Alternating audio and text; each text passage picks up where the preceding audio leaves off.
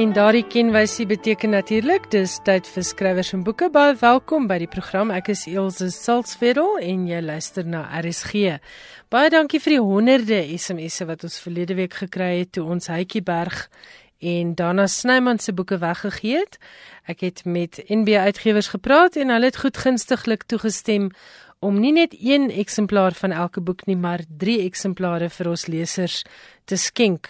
So hier is 'n vroeë Kersgeskenk vir die volgende 6 lesers: Joan Joubert van Hercules in Pretoria, Johanna Matunga van Frans Vallei, Willem Verster van Zeres. Julle drie wen elkeen 'n boek van Dana Snyman. Dit is sy nuwe boek op pad. En dan die gelukkige wenners van Hytjie Berg se lewensverhaal is Sandra Fourie van Jeffreys Bay, Asalon McClar van Eden Park en Pieter Pretorius van Boortfontein. Dit sal binnekort by julle wees. Uh NB Uitgewers is self verantwoordelik vir die versending daarvan. Baie dankie aan Henry Milne. Hy het 'n pragtige SMS verlede week ateljee toe gestuur. Hy sê skrywers en boeke is die hoogtepunt van sy week. Beter kan 'n program nie aangebied word as deur Elsje nie.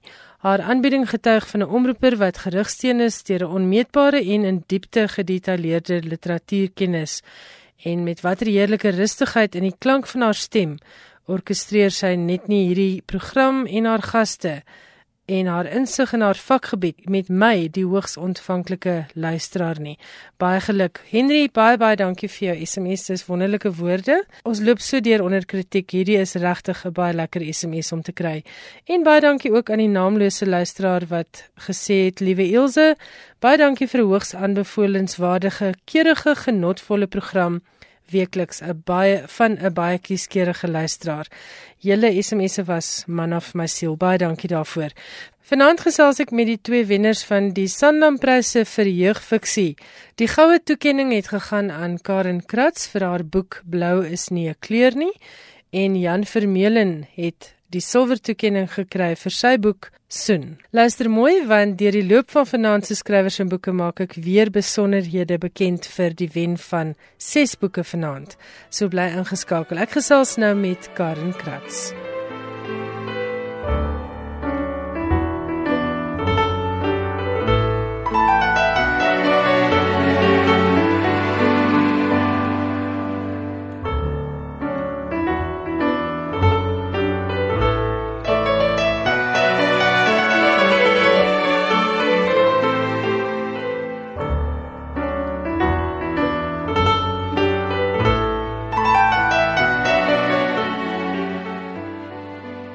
Karin Kratz, baie welkom by my in die ateljee. Baie geluk met jou goue Sanlam prys.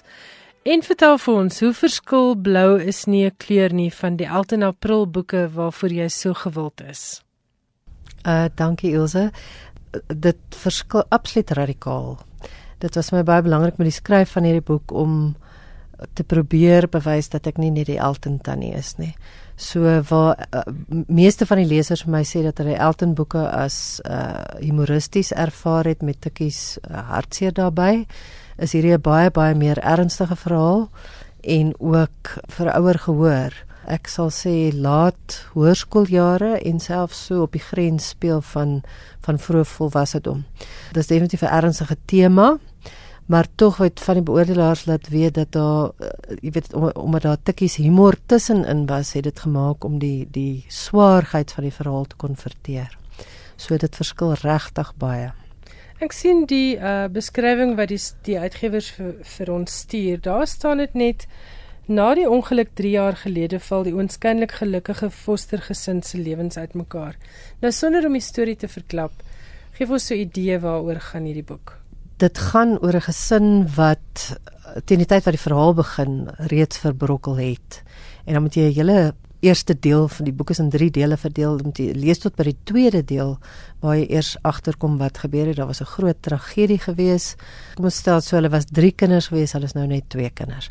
En die invloed wat daai gebeure gehad het op die familie was verrykend. En en al die krake wat dalk voor die tyd daar was, het verdiep tot ernstige skeure gelei en uh, die pa vermoed ek as ek hom nou van buite af moet kyk as 'n ou wat ongelukkig is met homself oor, oor oor baie redes En dan soos wat baie van ons doen, ons gaan soek vir groener gras op 'n ander plek. So hy soek dan die oplossing vir die probleem in immigreer Nieu-Seeland toe. En hy sê vir die familie hulle gaan oppak. Die uiteinde van die saak is die reis word 'n innerlike reis in plaas van 'n reis uh Nieu-Seeland toe vir die wat oorbly. Nie almal bly oor. Wat was die vonk vir hierdie verhaal? Ja, ek ek was vreeslik bang om hierdie storie te skryf, hoofsaaklik omdat ek bang was mense gaan dink dis dis autobiografies wat dit nie is nie. Dit is uh, behalwe vir een karakter was was alles absoluut fiktief geweest, maar die oorsprong in my hart was my eie vrese vir my kinders se toekoms. Ek het op 'n baie laat ouderdom my eerste kind gehad en toe was ek veel veel veel ouer toe ek die tweede een gehad het.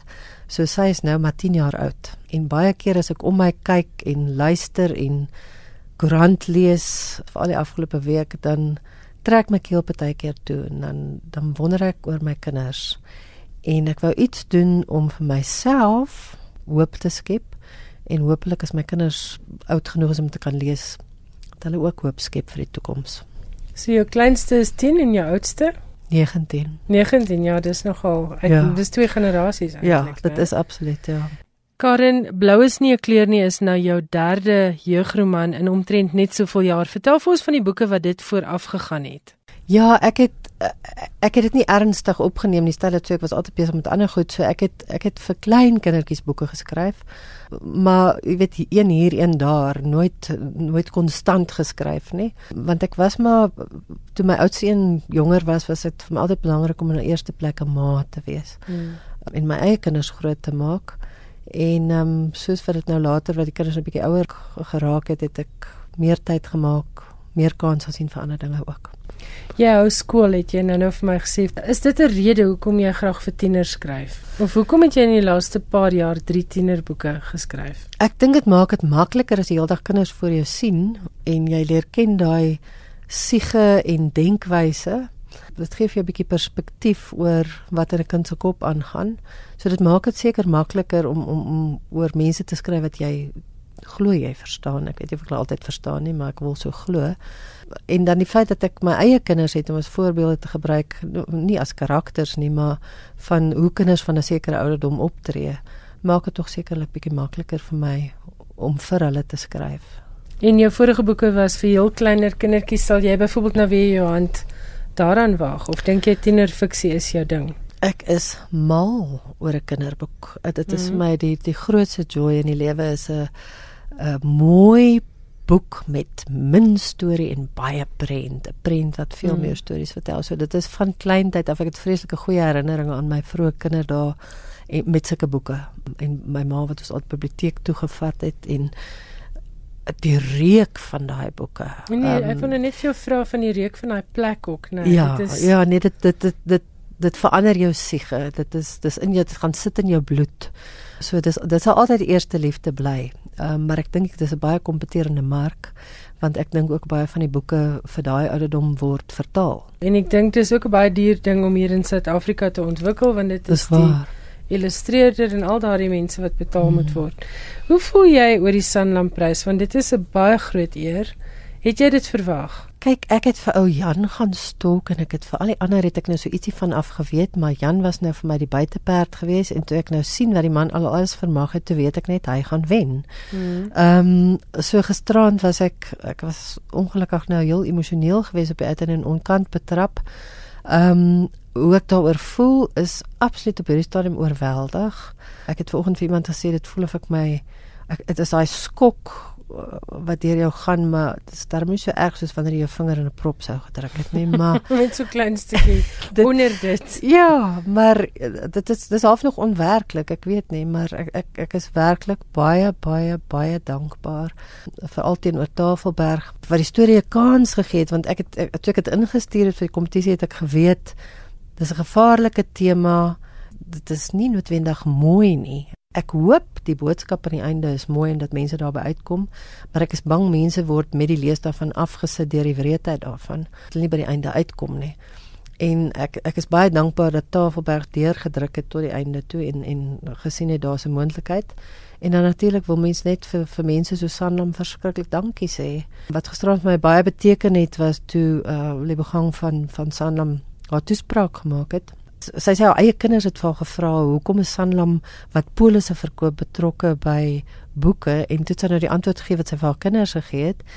En dit was 'n 'n diep antwoord wat sê hierdie mense het regtig daaroor gedink om te belê in klein nietige skrywertjies soos ek omdat hulle voel hulle kan 'n bydrae maak tot lees in hierdie land. So dit was my nogal waardevol om so ek is regtig vandag baie baie dankbaar. As 'n juffrou, wat is die waarde van 'n kind wat lees? En 'n tweeledige vraag, hoe sal jy ouers help om hulle kinders aan die lees te kry? Jo, dit is nogal vir my 'n groot ehm um, tamaletjie wat ek elke dag sien in in my werk. Die ou wat nie lees nie, is op pad nêrens heen nie. Die ou wat nie 'n liefde het nie en die ou wat nie goed kan lees nie, gaan net eenvoudig nie presteer nie. Dit dit is net een van daai dinge en, en, en mense is elke dag gekonfronteer met die waarheid van kinders wat uit huise uitkom waar daar nie gelees word nie, waar ouers nie 'n liefde vir boeke het nie en jy sien dit deursyfer na die na die skoolwerk toe. 'n liefde vir lees begin net op een plek en dis op 'n ma vir pa vir oupa vir ouma se skoot. Daai veiligheid, daai warmte, daai idee van jy jy's gespanne oor wat met Rooikappie gaan gebeur, maar jy's tog so dankbaar dat dit nie jy is nie. Mm. En dan wanneer die lewe jou later tref en daar kom 'n wolf oor jou pad dan dan het jy iets om op terug te val want jy daai verwysingsraamwerk van kleins af van so hanteer jy die wolf. So ek ek, ek glo dit begin baie baie vroeg en konstant lees, elke dag lees. Al is dit 'n klein klein klein bietjie en ek het redelik navorsing gedoen vir 'n vir 'n aanbieding wat ek op 'n kol gedoen het oor voorlees vir kinders dat jy met gerusheid tot diep in die hoërskool vir 'n kind kan voorlees. Want die ou wat voor voorgeles word, word uiteindelik 'n beter leser. Dis baie interessant. Ja, hy word 'n beter leser en hy hy, hy lees meer met selfvertroue. Want hy het 'n konstante voorbeeld, 'n konstante voorbeeld van so, hoe klink dit. Jy lees as jou kleintjie nou self begin lees. Ja, ek dink dis waar waar baie mense die fout maak is om hier teen graad 3, 4 wanneer hulle nou vlot lees te let go, want nou kan die kind dit self doen. Hmm. En dit is presies daar wat 'n ou die fout maak wat ek nou sien waar ek skool hou. Vlot lees beteken nie lees met begrip nie. Of lees met vertroue nie, né? Of lees met vertroue ja. nie. Ja. Ja, die begrip is baie belangrik want ek dink dit is die enkele grootste ding wat ehm um, van kinders uitblinkers of uitvallers maak tussen ja. laer en hoërskool en tussen hoërskool en universiteit. Ja. As jy nou sê jy hou voltyds skool, waar pas skryf in? Wanneer doen jy dit? Letterlik in die nagte wanneer die huis stil raak en die mense slaap. Ehm um, want daar is nie ander tyd nie. Die die die skoolwerk en die ma wees kom altyd eerste en dan is haar afknyptydjie is vir die man.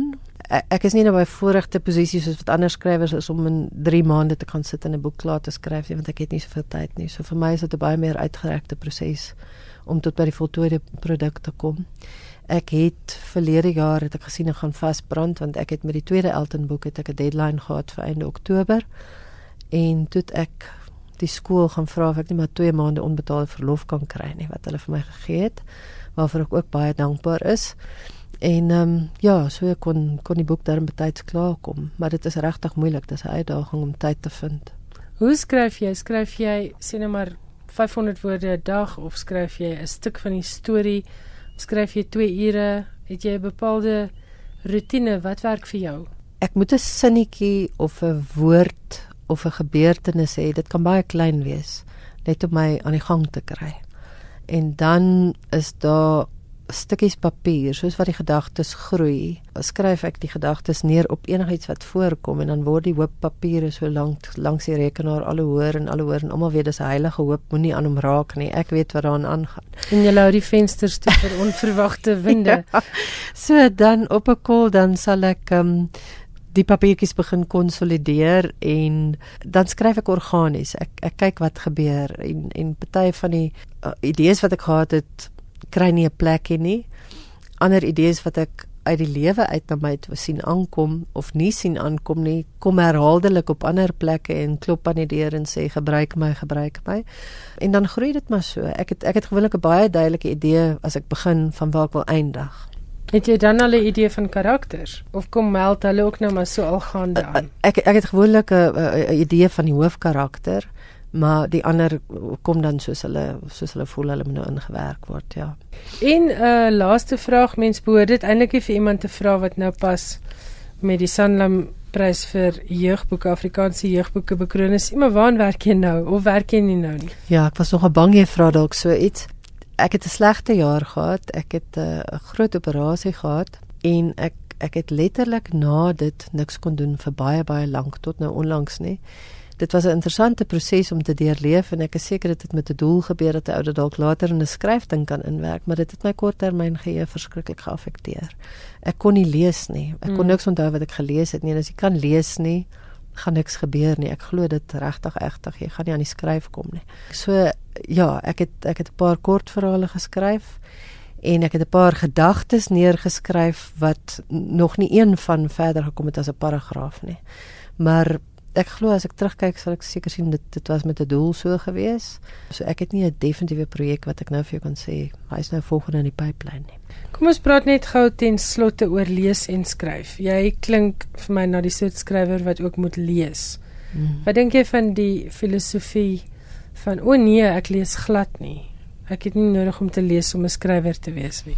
Sjoe, dit het nie vir my gewerk het nie want elke ding wat ek lees is half my ek iets daaruit leer of oor hoe ek glad nie 'n ding wil of sou kon doen nie of om dit my totaal inspireer om aan die gang te kom. Uh, ek het nou onlangs het ek vir my the Ministry of Utmost Happiness gekoop mm. omdat ek the God of Small Things verskriklik geniet het en tegnies baie daaruit ge, geput het. En ek was op bladsy 1 reeds meegesleer deur die storie en deur die karakters en onmiddellik het dit my weer geïnspireer om aan die gang te kom. Dit was nou een van die eerste boeke wat ek nou in 'n lang tyd kon begin lees waar ek die storie draad nog kon kon onthou teen die mm, volgende dag. Mm. Dit is my brood nodig om te lees om om te kan skryf. Ek sou dit nie anders kon doen nie. Karen, geniet jou prys en lekker skryf wanneer jy weer aan die gang kom. Ek het geen twyfel dat jy weer gaan skryf nie. En baie dankie vir wat vir my klink na 'n broodnodige verhaal want die lewe is ook maar wreed en hartseer en kinders moet op 'n op 'n storie manier maar soms voorberei word vir wat dalk vorentoe kan wag. So dankie vir jou boek. Baie dankie en dankie vir die geleentheid. Ek en Karen Kratz het gesels oor haar Sanlam Prys goue pryswenner. Die boek se naam is Blou is nie 'n kleur nie en dit behoort van van dese week af op die rakke te wees. Hierdie boek kos R160. Dis gemik op die ouderdomsgroep 14 tot 18 jaar en word uitgegee deur Tafelberg. En hulle was gaaf genoeg om vir ons 3 eksemplare te gee om vir jong lesers weg te gee. Om 'n aanmerking te kom vir hierdie prys, wil ek graag hê julle moet die kind vir wie dit in gedagte het, se geboortedatum, naam en 'n posadres SMS na 45770. Ek wil dit spesifiek vir jong mense gee. As jy ouma of 'n ma is wat dit vir jou kind wil laat wen, dan is jy baie welkom om in te skryf, maar ek soek nog steeds die kind se geboortedatum, sy of haar naam en 'n posadres waarna toe ons die boek kan stuur. En jong mense, julle is natuurlik ook baie welkom om self 'n SMS te stuur na 45770. As jy nou so begeesterd is nadat jy geluister het na Karen en voordat jy luister na die Sanlam Silverpryswenner Jan Vermeulen en jy dink jy wil jou hand waag aan 'n jeugverhaal Hier's 'n baie lekker interessante manier waarop die organiseerders van hierdie Sanlam Prys vir jeugfiksie hierdie jaar mense aangemoedig het om wel te begin skryf en hulle het dit genoem die 250 woorde per dag uitdaging. Om die kompetisie meer toeganklik te maak vir jong en opkomende skrywers en hulle te motiveer om hulle manuskripte van minstens 25000 woorde betyds te voltooi, kon aspirantskrywers vanjaar deelneem aan Sanlam se 250 woorde per dag veldtog op Facebook. So die hele idee was baie eenvoudig. Jy skryf 250 woorde per dag en dan word dit vir 'n mentor gestuur en hierdie was bekende skrywers wat dan vir jou terugvoering gee. En volgens Michelle Cooper, die uitgewer van kinder- en jeugboeke by Tafelberg, het dit uitstekend gewerk. Die veldtog het bygedra daartoe dat ons 'n baie wyeer gehoor bereik het en dit het gesorg vir 60 meer inskrywings as die vorige jaar, sê Michelle Cooper van Tafelberg. Sedert die Sanlam Pryse in 1980 die eerste keer toegekend is, is nagenoeg 80 van die wenners vir skole voorgeskryf. So as jy 'n boek sien met die plakkertjie Sanlam pryswenner voorop, koop dit gerus. Die jong mens in jou lewe, die kind in jou lewe sal dit beslis geniet. En as jy dink jy het dit in jou om 'n jeugfiksie pryswenner te skryf, die 2019 Sanlam pryse vir jeuglektuur se inskrywings het verlede week oopgemaak. Inskrywingsvorms is beskikbaar by www.nb.co.za en inskrywings sluit die 5de Oktober 2018. So jy het 'n jaar om jou jeugboek in te skryf vir die Sanlam Prys jeugfiksie wedstryd. Ek gesels nou met Jan Vermeulen. Hy was die silwer medalje wenner in die Sanlam jeugfiksie wedstryd. Jan, jou boek is getiteld Soen. Nogal 'n vreemde titel vir 'n speurverhaal. Dis interessant dat jy dit 'n speurverhaal noem. Ons nie 'n speurder in nie, maar ek kan dink hoekom want een van die beoordelaars het dit 'n uh, Dion Meyer vir die jeug genoem. Maar goed, vertel jy dan vir ons waaroor gaan soen in watter genre sou jy as skrywer dit dus plaas? Kyk, dit is 'n jeugverhaal met lekker spanning by. Is 'n seun rondom staat 9 matriek wat verlief raak op sy juffrou. Is eintlik 'n proefonderwyseres, so so jaar of 2 ouer. Uh hy raak erg verlief op haar en en hy besluit dit is sy trouvrou. Uh maar dan kom daar ek dink die element in van hoekom hulle dalk nou speurverhaal noem. Uh, blonde meisies begin spoorloos te verdwyn en dit lyk of 'n reeksmoordenaar eers dalk aan die werk is. En en hy word geïmpliseer daarin omdat hy ehm um, hy het, het sketse gemaak van haar hy's 'n kunststudent ook by die skool. Het hy sketse gemaak op, op in opdrag van die kunsonderwyser die tema van die van die die die opdrag was as ek jou nie kan kry nie. O, oh, en dit uh, lyk sleg vir 'n speurder wat nou deur jou dit goed gaan. Dit lyk nou he? baie sleg in en hy het sketse van haar gemaak eh, soos wat hy haar onthou of of fantaseer oor hoe sy lyk en so aan. Maar nou het hy haar uh, geskets in in bikini swembroeke en onder die stort en so aan en nou lyk dit asof hy haar dalk afgeloer het. En daar's veral een skets wat uh, baie sterk herinner aan aan die Alfred Hitchcock thriller Psycho hmm. wat sy onder die stort staan en dan hierdie geweldige groot mes wat hier bokant daar dreigend is en daaronder staan as ek jou nie kan kry nie. Uh, maar hy beweer dit is bloot omdat dit 'n uh, opdrag van die kunsonderwyser was en hy het vir haar gebruik omdat hy nou so lief is vir haar. Hmm. Maar hy is 'n onmiddellike verdagte want sy het ook 'n uh, doodstreigement ontvang en sy wil hom aankla vir sexual harassment, seksuele uh, Tuistering, tuistering mm -hmm. ja, oor die sketse wat uh, eintlik on uh, onbeplant by haar uitgekom het. Hy het nooit bedoel dat sy dit moet sien nie en hy mm. het ook nie idee hoe dit by haar uitgekom het nie. Ehm um, het hy ook een keer in 'n in 'n toets of eksamen wat sy vir hulle laat skryf het wat hulle sinne moes bou in Afrikaans met sekere woorde. Het sy woord penetreer gegee vir hulle en toe beskryf hy die soen tussen die ou en sy meisie. En toe sit almal dit nou bymekaar sy sin sy sin wat hy gemaak het en sy sketse wat hy gemaak het uh, en toe sy in die warm water. En ja, eintlik is hy maar net verlief op haar. Eintlik glo hy net dis sy trouvrou hierdie. En hy is in 'n benarde posisie want hy is nou die hoofseun en daar word met groot oë na hom gekyk Presies, hy's in 'n benade posisie, hy's die hoofseun en die skoolhoof sê hy's die mees voorbeeldigste, die beste hoofseun wat hulle in sy geskiedenis gehad het, maar tog is daar nou aanduidings dat dinge is is nie reg hier nie in sy pa se pastoor, sy aanneempa wat dit nou nog half vir hom om nou nog meer in die kollig sit. En Jan, ek is nou baie nuuskierig. Ek sien hierdie is jou derde jeugroman. Ek sien op jou CV jy het 'n kreatiewe skryfkursus aan die Universiteit van Port Elizabeth voltooi. Maar jy was eintlik 'n predikant. So hoe het skryf gebeur? As ek nou terugdink, dink mm -hmm. ek mhm. het ek eers geweet ek is 'n skrywer voordat ek in die bediening gegaan het. Uh, en hoekom ek dit weet, dit het omtrent al in my sub A se B jare van van destyds gebeur. Het jy maar net hierdie liefde ontdek vir skryf. My eerste boeke wat ek al daai tyd geskryf het was nog na aanleiding van 'n ou fotoboekies wat 'n mens destyds gekry het. Die ruiter in swart en as reg Tessa en die arend en al die het het het ek uh, sulke boekies begin teken. Ek was nou nie baie groot kunstenaar nie, maar met my byskrifte in my spanningslyne en dit was toevallig ook nog maar 'n aksie storie geweest. So so solank as wat ek kan onthou was daai liefde daar. Ek dink ek was 14 jaar oud toe ek 'n uh, 'n kort verhaal in die destydse Patrys wat gepubliseer is. Onthou Patrys, ja. Ja, ehm um, die sneeuprins van Alaska nogal heel dramaties. Patrys was was goed gunstiglik om hom te om hom ja, te publiseer, ja. jy weet. Ek dink dit het my op die pad gesit. Maar jy word jy eers predikant en die skryf ja, het baie later gekom. Die skryf het later gekom, hoewel ek gereeld maar gesit en skryf het. In daai tyd ek het dikwels uh, ek dink ek was in die weermag toe ek 'n roman ingestuur het wat wat dit nie gemaak het nie. Baie mooi kommentaar teruggekry. So ja, ek was derentyd aan die skryf, hmm. maar maar nooit suksesvol nie.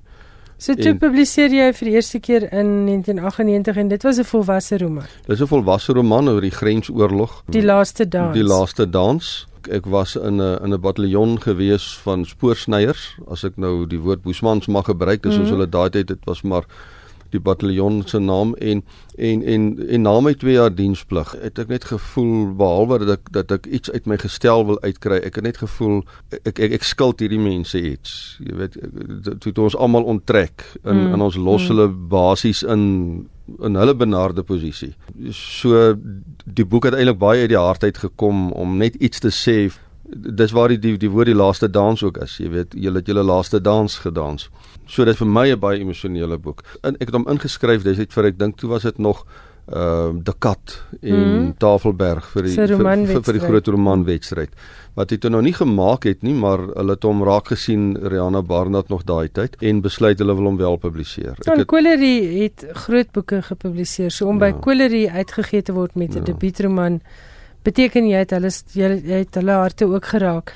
Maar die jeugboeke, hoekom jeugboeke? Wat is dit vir jou wat dit so spesiaal maak want jy het met jou boek geraamte staan die klere en ek probeer net die datum hier sien in 2000. Dis 2000 ja. Het jy sommer die goue Sanlam prys ja. gewen, die MER prys vir jeugfiksie, die Skepersprys wat iemand nou die dag vir my sê eintlik die Hertzogprys vir, vir jeugfiksie jeug, ja, is ja. en 'n ATKV kinderboek toekenning. So wat is dit van jeugfiksie wat vir jou so spesiaal is? Dit dit moet ek eerlikwaar sê verwonder ek myself nou nog oor. Dis is 'n ontdekking.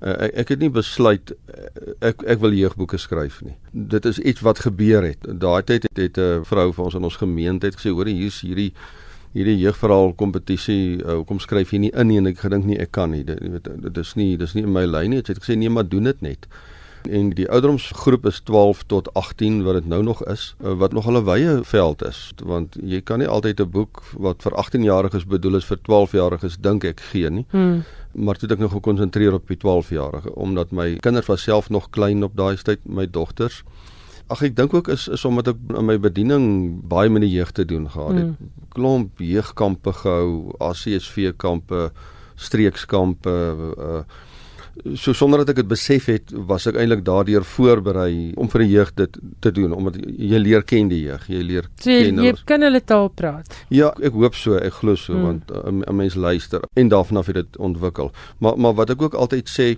vir my is dit nou nog kyk drie jeugromans en al drie is bekroon hmm. waaroor ek oorstelp is en baie verbaas, maar as iemand my sou vra wat is jou resep?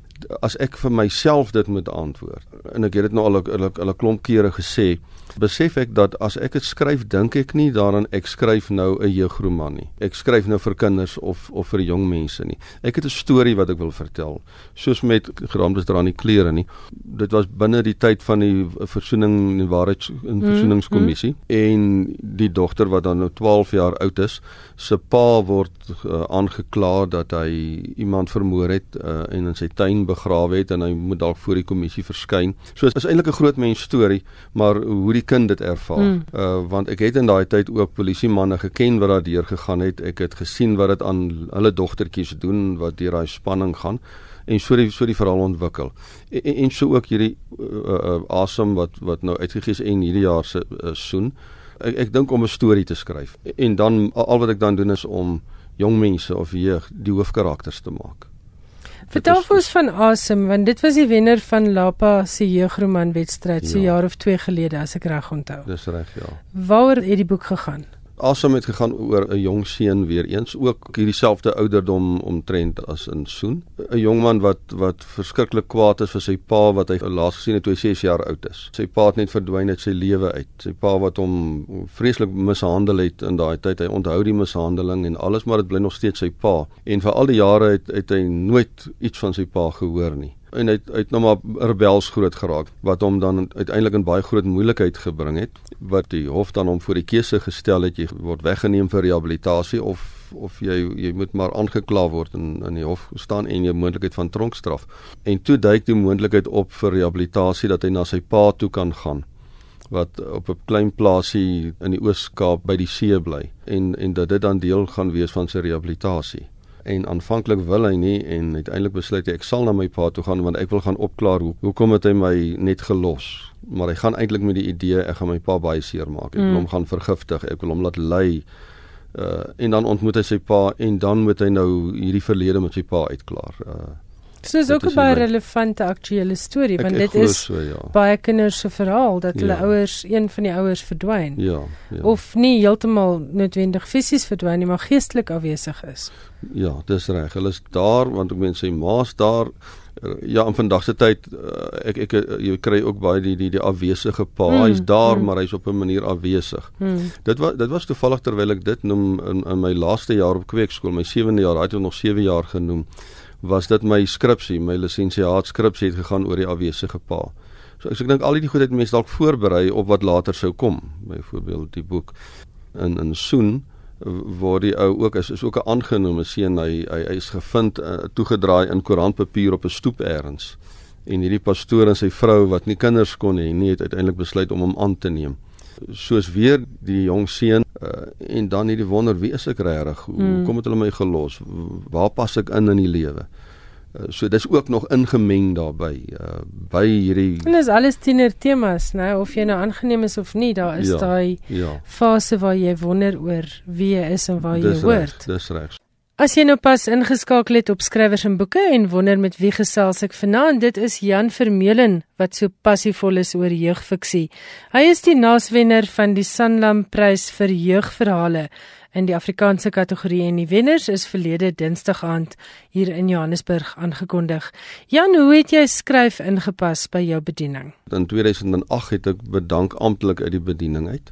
So voor daai tyd was dit bitter moeilik. Jy het maar nagte gesit en skrywe. Uh, ek dink dit is miskien een van die redes hoekom min gepubliseer is want daar's nie regtig tyd om jou regtig in te leef en in te hmm. fokus op jou werk nie en fisies min tyd om te gaan sit en skryf. So dit was baie moeilik uh, om om tyd te maak. Na 2008 nou na my bedanking het ek 'n sitkamer uh, kerkie as mens so kan noem, huiskerk begin. Hmm. Ehm um, dit het nou 'n bietjie groter gegroei. Ons is nou in 'n in 'n skoolsaal daar in Dispatch en op Sondagsrivier daar langs die langs die rivier ons nou uitgebrei so en toe maar is nog steeds klein.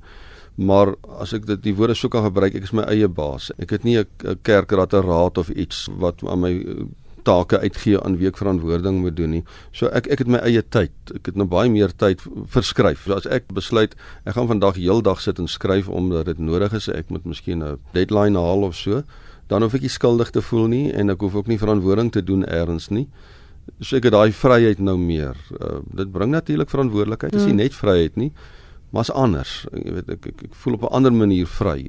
Ek is ek intussen nou weer getroud ook. 'n Vrou ook wat wat dit absoluut verstaan en dit toelaat, jy weet. Ag ek kan net ek kan net die woord vry gebruik. Ek ek voel so vry en ek dink dit beïnvloed my skryf. Dis hoekom ek in so kort tyd dink ek twee boeke kon publiseer. Uh, die twee jeugverhale nou en en daar is nou nog weer 'n volwasse roman wat in Maart maand gepubliseer word wat ook so tussendeur geskryf is. So so daai ou liefde van sub A sub B kan nou kry nou kans om mm. regtig te blom. Jy sê jy skryf 'n volwasse roman. Waaroor gaan dit? Hulle noem dit 'n sielkundige thriller. Uh, ek het aanvanklik gedink is 'n hoe, hoe noem hulle dit 'n krimi. Dit, ja. dit gaan ook oor 'n reeks moorde, maar meer klem nie op die polisie werk nie, maar meer op die op die sielkunde daar agter, op die hoekom doen die persoon dit en wat is die innerlike dryfveer en so ons is meer as sielkundige thriller. Maar kom ons keer terug na Soen. Dink jy dit is 'n plan dat ouers eers hierdie boek lees en dit dan vir hulle kinders gee en dit dan 'n aanknopingspunt maak vir gesprekke oor al die kwessies waaroor jy skryf? As dit kan gebeur dan voel ek dit ek regtig geslaag want baie ouers baie volwassenes lees die boek uh, dis vir my lekker om te hoor hulle hulle sê ek het die boek begin nou nie hierdie een is nou nie ek mm. glo dieselfde gaan met hom gebeur ek het hom begin lees en ek kon hom nie neersit nie mm. ek weet ek moes hom klaar lees en dan is dit volwassenes dan dan voel ek wel ek slaag hierin want dit gee hulle ook nou weer 'n kyk na die jong mens en dit kan 'n aanknopingspunt wees want dit is tog ook 'n jeugverhaal. Dit gaan oor die familie, dit gaan oor liefde, dit gaan oor eerste liefde. Ja, ek ek dink eh, pa en ma en kind kan hom saam lees en aanknop gebruik vir baie lekker saamgesels. Nie alle skrywers met wie ek onderhoude voer het 'n skryfkursus gedoen nie. Dink jy dit het vir jou gehelp en kan jy dit aanbeveel? Ek ek dink as ek nou 'n stukkie van my lewe kon terugkry of dele van my lewe, dan sou ek dit meer gedoen het. Uh nog klasse, nog, nog klasse, definitief, absoluut, definitief. Ek ek het dit te min gedoen, so ek het te veel gesteun net op my liefde verskryf. Ek ek, ek was nog op skool Toe was daar destyds 'n Johan Jordaan wat sulke skryfkursusse aangebied het. Dit was deur die pos. Jy het hom nog met die hand geskryf en gepos en dan pos hy hom vir jou terug. Kortpad na knap kortverhale was die kursus se naam. Was dit deur Lyceum of Sukses of een van daai? Nee, nee, nee, nee ek, ek dink dit is privaat. Dit is 'n privaat ou Johan. Jordaan. Dis 'n is ook self 'n skrywer van daai tyd. Wat my ontsettend baie gehelp het. Uh, alhoewel ek nie baie sterk op kortverhale is uh, op die oomblik nie, maar skryf bly skryf. Hmm. In die beginsel van karakters. Hoe kies jy jou karakter? Watter invloed het karakter in jou storie?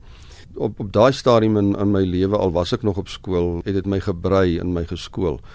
En uiteindelik nou die kursus by die destydse IPE uh dit het nou gegaan oor roman en drama en digkuns en kortkuns en ek is net bitter spyt ek het nie meer van dit vroeër in my lewe gedoen nie. So ja, ek kan absoluut iemand wat nou begin skryf aanbeveel doen dit. Jy spaar soveel jare vir jouself van self gaan sukkel en self hmm. uitvind. Mm. Want die liefde vir skryf alleen gaan nie maak dat jy sukses behaal. Glad nie, ongelukkig, ongelukkig nie. nie. Nee, jy moet daai pad loop. Ek het nog ongelukkig die lang pad geloop. Maar jy het daar gekom. Jy het drie bekroonde jeugromans, jy het 'n grensroman en een van die dae het jy 'n volwasse roman. As jy een enkele skryfwenk met 'n voornemende skrywer kan deel, wat sal dit wees?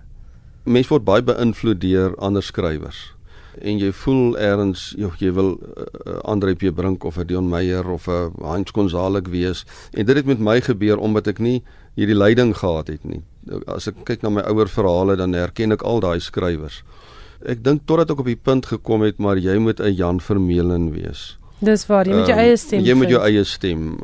Dit is vir my een van die belangrikste dinge. Moenie probeer iemand anders wees nie. Wees jou unieke self ook met wat jy skryf dit gaan jou baie verder bring. Plus natuurlik nou die die slypskole en al die goed. Wees jouself. En natuurlik die ander ding is moet net nie handdoek ingooi nie. Moet mm. net nooit nooit nooit ophou nie. Daai Johan Johan Jordan destyds met die knap kort verhaal het het gesê hy kan sy kamermuur uitplak met al die die uh, briefies wat teruggekom het wat gesê het nee jammer ons kan hierdie verhaal gebruik nie. Uh, en dis die waarheid. Ek dink nie baie mense besef hoeveel skrywers dit oorkom nie En hoe baie keer hulle dieselfde roman oor en oor skryf. Uh, awesome was een van hulle. Is dit? Hoe veel keer het jy hom 4, 5 keer oorgeskryf? Uh hy was by hy hy's in die verlede was hy by uitgewers gesê nee, jy weet uh, dit werk nie en weer en weer gewerk en daai het ook gesien die kompetisie sluit amper en en ek het nie baie tyd nie toe dink ek haal hom net weer uit die laai uit en vat hom van voor af kyk ek het verskriklik baie gewerk ek kan ek kan nou verstaan hoekom hy in die verlede nie gewerk het nie. Maar jy het eers die insig nodig gehad. Eers die insig nodig gehad en, en die herwerk het vir jou die herwerk. Ja, ehm um, ja. en en daar is hy. Soen was iets heel anders. Snaks genoeg hy hy het, hy het binne 2, 3 maande het hy gekom van niets af aan uh ingestuur en ek moes die minimum aan hom redigeer na die tyd. Mm. Hier en daar 'n paragraafie, hier en daar dit. Goed, die ouens wat hom nasien het het ook natuurlik taalkundig bietjie gepluk mm. en gewerk, dit verstaan ek. Maar ek self het die minimum aan hom gewerk. Dis hoekom dit vir my eintlik 'n absolute totale verrassing was. Ek het eerlik gedink, skryf hom net in. Sorg net dat hy daar kom en dan luister jy maar wat die uitgewer sê om hierdie en hierdie rede werk dit nie of so en dan gaan werk jy weer aan hom. Uh omdat ek so vinnig het moes geskryf het. Mm en toe sy toe een, toe sy een van die finaliste en toe sy die silwer so ja ek voel baie gelukkig oor hom. Miskien is dit nou al hierdie jare se suffering wat dalk in hom nou so ten minste in een boek dit dit deurgekom ek dink daar is die sleutelwoord skryf is soms suffering nee absolute suffering. Is 'n lekker suffering? Ja, ja. maar is 'n suffering? Ek kan as miskien ek as ek net dit noem dis miskien so 'n bietjie ydel. Ehm um, ek is 'n groot cricket fanatikus. Ja. Ehm kyk dit bitter graag. Uh, en ek het altyd gewonder hoe voel 'n bowler as hy 'n drie kuns behaal. Want as iets uniek. Nou hier is nou 3 3 uh, romans wat gepubliseer is en al drie is bekroon. So nou kan ek sê, ey, heerlik. Nou weet ek wat se ding is dit die kuns, maar dit meen dit hou nie hier op nie. Dit is is maar net daai paai langs die pad wat jou bemoedig om te sê reg, jou volgende boek is nou maar weer van die grond af reg van voor af. Ja, jy begin oor, nee, jy begin letterlik met 'n wit rekenaarskerm. Absoluut, absoluut. Reg van voor weer daai een idee van is 'n woord, 'n sinnetjie, 'n koerant berig teen 'n lamppaal hmm, hmm. wat dan die proses in jou aan die gang sit.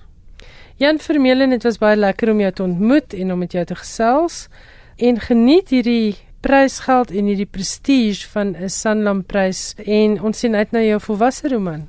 Baie baie dankie. Heerlik om hier te gewees het. Ek het gesels met Jan Vermeulen oor sy boek Soen. Dit is verlede week aangewys as die silwerpryswenner in die Sanlam jeugfiksie wedstryd. En drie gelukkige jong mense kan 'n eksemplaar van hierdie boek wen. Dit word uitgegee deur Tafelberg en kos R180. Dis geskik vir lesers tussen 14 en 18 jaar. So wat ek wil hê is stuur vir my die geboortedatum. As jy dit vir jou kleinkind wil gee of jou kind wil gee, ek soek net daardie geboortedatum om seker te maak hierdie jeugboek beland by 'n jong leser. Dit is drie gelukkige luisteraars danksy Tafelberg se vrygewigheid. Stuur jou SMS met hierdie geboortedatum, die kind se naam en jou posadres na 45770. En tieners en jong luisteraars, julle is natuurlik ook welkom om self in te skryf. Die SMS nommer 45770.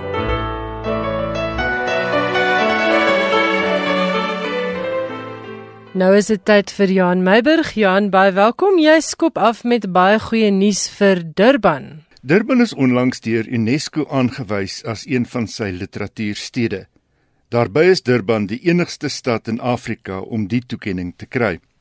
UNESCO, die VN se organisasie vir opvoeding, wetenskap en kultuur, het einde verlede maand nog 'n paar stede by sy bestaande lys van 20 gevoeg. Benewens Durban ook Bucheon in Suid-Korea, Lillehammer in Noorwe, Milaan in Italië, Utrecht in Nederland, Manchester in Brittanje, Quebec in Kanada en Seattle in die VSA. Die Literatuurstad netwerk is deel van UNESCO se netwerk van kreatiewe stede met die oogmerk om sosiale, ekonomiese en kulturele ontwikkeling in die stede te steun. Om as 'n UNESCO literatuurstad te kwalifiseer, moet stede wat 'n bod insit vir die toekenning voldoen aan sekere vereistes. Letterkunde moet in die eerste plek hoog op die stad se voorkeurlys wees. Literêre geleenthede en feeste is 'n vereiste en die stad moet fokus op letterkunde op primêre, sekondêre en tersiêre vlak. Darryl David, voormalige hoof van Afrikaans aan die Universiteit van KwaZulu-Natal, was aan die hoof van Durban se bod aansoek. David is 'n man met 'n missie. Hy's onder meer die stigter van die Boekbedonderfees in Richmond, die Schreinerfees op Kraddock, die Midlands Literary Festival in Howick, die James Coetzee Fees in Richmond, die Breiten Breitenbach Boekefees op Montague en die enigste kinderboekfees in die land wat in Pietermaritzburg aangebied word. David het na die aankondiging na Durban verwys as die literêre hoofstad van Afrika of dan minstens die literêre poort tot die vasteland. Alles wat Durban nou aanpak, moet met letterkunde in gedagte wees, het hy gesê. Dit moet die stad nou begin definieer. Die stad bied jaarliks 3 groot literêre feeste aan: Time of the Writer, Poetry Africa en Articulate in Africa. Ons kan nie in Durban spog met Athol Fugard of 'n James Coetzee nie, maar dit is wel Ellen Payton wêreldie die van Ronnie Govender, Imran Kuvadia en Ashwin Desai het hy bygevoeg. Hy het ook gesê die feit dat Durban nou 'n UNESCO literatuurstad is, het nie uit die lug geval nie. Dit was 'n lang tog en my betrokkeheid by al die literatuurfeeste het daartoe bygedra om hierdie heilige graal in die wêreld van letterkunde toerisme te kan kry. Hierop is ek geweldig trots, het die man gesê wat met reg beskryf kan word as 'n baanbreker vir letterkunde in Suid-Afrika. En wat vir my die merkwaardigste is, is dat Darryl so baie vir Afrikaans doen en dis nie sy moedertaal nie. Hy het dit op universiteit vir die eerste keer geleer. Dis reg, ja. So Darryl David, aan jou en jou span baie baie geluk om 'n UNESCO literatuurstad te word is 'n groot klomp werk net om deur die nominasieprosesse en dinge te gaan. En ons hoop ons hoor nog baie van julle werk daar in Durban. En nou praat jy oor Paddington Bear, een van die mees geliefde kinderboekkarakters ter wêreld. Ja, twee uiteenlopende bydraes oor kinderboeke. Paddington at St Paul's, die laaste avontuur van Paddington Bear, die kinderboekkarakter wat al sedert 1958 jong lesers eindelose leesplesier bied, word volgende jaar 60 jaar nadat die eerste boek, A Bear Called Paddington, verskyn het, gepubliseer. Die vriendelike Peruviaanse beertjie met sy hoed, koffer met 'n geheime kompartement wat hoope bagasie kan berg. En sy voorliefde vir marmelade het in meer as 150 boeke stapel vermaak geword in Engelse kinderboeke. In die jongste boek besoek Paddington St Paulus Kathedraal waar hy as koorknaap aangesien word. Michael Bond, skrywer van die reeks, is verlede jaar in die ouderdom van 91 dood en het die jongste boek kort voor sy dood voltooi. Dit was 'n speelgoedbeertjie in die winkelfenster kort voor Kersfees in 1956 wat Bond se hart gesteel het. Hy het die beertjie as geskenk vir sy vrou gekoop. Hulle het naby die Paddingtonstasie gewoon en die naam het glo die hele tyd in sy kop gedraai as die naam vir 'n karakter. Bond het die eerste verhaal vir sy eie plesier geskryf, nie as 'n verhaal vir kinders nie. En dit is eers later dat hy besef het kinders kan dalk aanklank vind by die verhaal en die res is soos hulle sê geskiedenis. Meer as 35 miljoen eksemplare van Paddington Bear se Kaskanades is wêreldwyd verkoop en is vertaal in meer as 40 tale. Protea het in 2016 'n vertaling in Afrikaans deur Amelia De Vaal uitgegee. Die boek heet gewoon Paddington. 'n Ethiopiese ma was so moeg om vir haar kinders voor te lees uit boeke wat niks met hul leefwêreld te doen het nie, dat sy self kinderboeke begin skryf het in Amharis, die taal wat hulle praat. Tsion Kiros se oogmerk met die boeke is om Ethiopiese stories vir Ethiopiese kinders te skryf. Ek was moeg om vir hulle van Robin Hood en Aspoestertjie te lees, sê sy. Dit het geen koneksie met hulle omstandighede nie. As jy kinders wil aanmoedig om te lees, moet die materiaal waarmee hulle te doen kry minstens vir hulle boeiend wees, sê sy. Kiros het 'n klein uitgewery begin en in die bestek van 3 jaar het sy 200 kinderboeke gepubliseer. Haar oplaag groei stadig. Dit doen sy terwyl sy heeltyds werk as reklamekonsultant. Omdat Ethiopië min lesers het, kan sy nie uit die uitgewery 'n bestaan maak nie. Maar sê sy, sy gee nie boeke uit om ryk te word nie. Sy doen dit om mense so ver te kry om te lees. Daarom is die boeke spotgoedkoop, heelwat minder as die kinderboeke wat voorheen in Ethiopië beskikbaar was. Van Ethiopië se om en by 100 miljoen mense is meer as 50% ongeletterd. Sjoe, dis in elk geval iets wat jy net gaan ehm um, daardie bose siklus gaan jy net verbreek as jy kinders aan die lees kry. Presies dit. Dis verskriklik interessant en toevallig sonder dat ons vooraf gepraat het, sluit jou internasionale letterkunde baie goed aan by vanaand se tema want vanaand het ons net oor kinderboeke en jeugboeke gepraat. Goed, wonderlik. 'n Temaai beeld van die Britse skrywer George Orwell is buite die BBC se gebou in Londen opgerig. Orwell het tydens die Tweede Wêreldoorlog van 1941 tot 1943 vir die BBC gewerk en was in sy bedankingsbrief besonder krities teenoor die uitsaaier. Ek het my tyd en die publiek se geld gemors deur hier te werk aan iets wat geen resultate lewer nie, het hy geskryf. Nie almal is dus gaande oor die beeld van Orwell wat voor die BBC opgerig is nie. Nietemin Op die muur agter die beeld staan die woorde uit sy boek Animal Farm. If liberty means anything at all, it means the right to tell people what they do not want to hear. Orwell wat in 1950 op 47 dood is, het in 1949 sy Magnus Opus 1984 uitgegee. 'n distopiese roman wat nou weer 'n topverkoper is. Vroeger vanjaar moes Penguin FSA bond staan om genoeg eksemplare van die boek by handelaars uit te kry. Dit was net na die Meet the Press debacle waarin Donald Trump se raadgewer, Kellyanne Conway, verwys het na alternatiewe feite. Kort voor sy dood het Orwell in 'n onderhoud met die BBC oor 1984 gepraat. Dit is wat hy te sê gehad het. I think that allowing for the book being after all a parody, something like 1984 could actually happen. This is the direction the world is going in at the present time. In our world, there will be no emotions except fear, rage, triumph, and self abasement. The sex instinct will be eradicated. We shall abolish the orgasm. There will be no loyalty except loyalty to the party. But always there will be the intoxication of power. Always, at every moment, there will be the thrill of victory the sensation of trampling on an enemy who is helpless.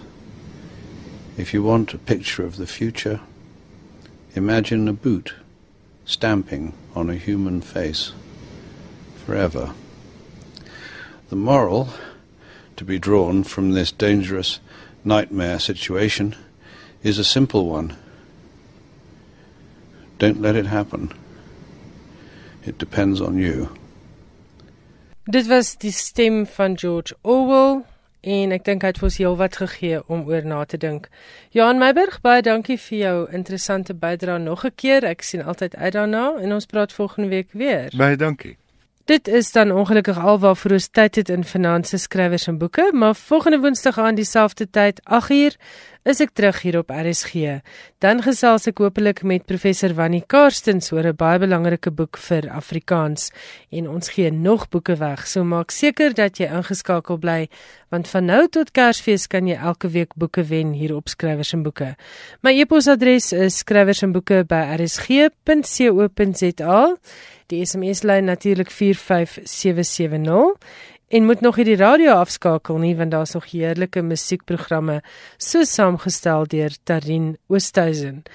Totdat ons volgende week weer ontmoet, onthou hierdie SMS wat 'n luisteraar vir my gestuur het verlede week, 'n luisteraar wat homself net Paulus genoem het, het laat weet A book is the TV of smart people. In die baie gewilde reisskrywer Bill Bryson het dit gesê.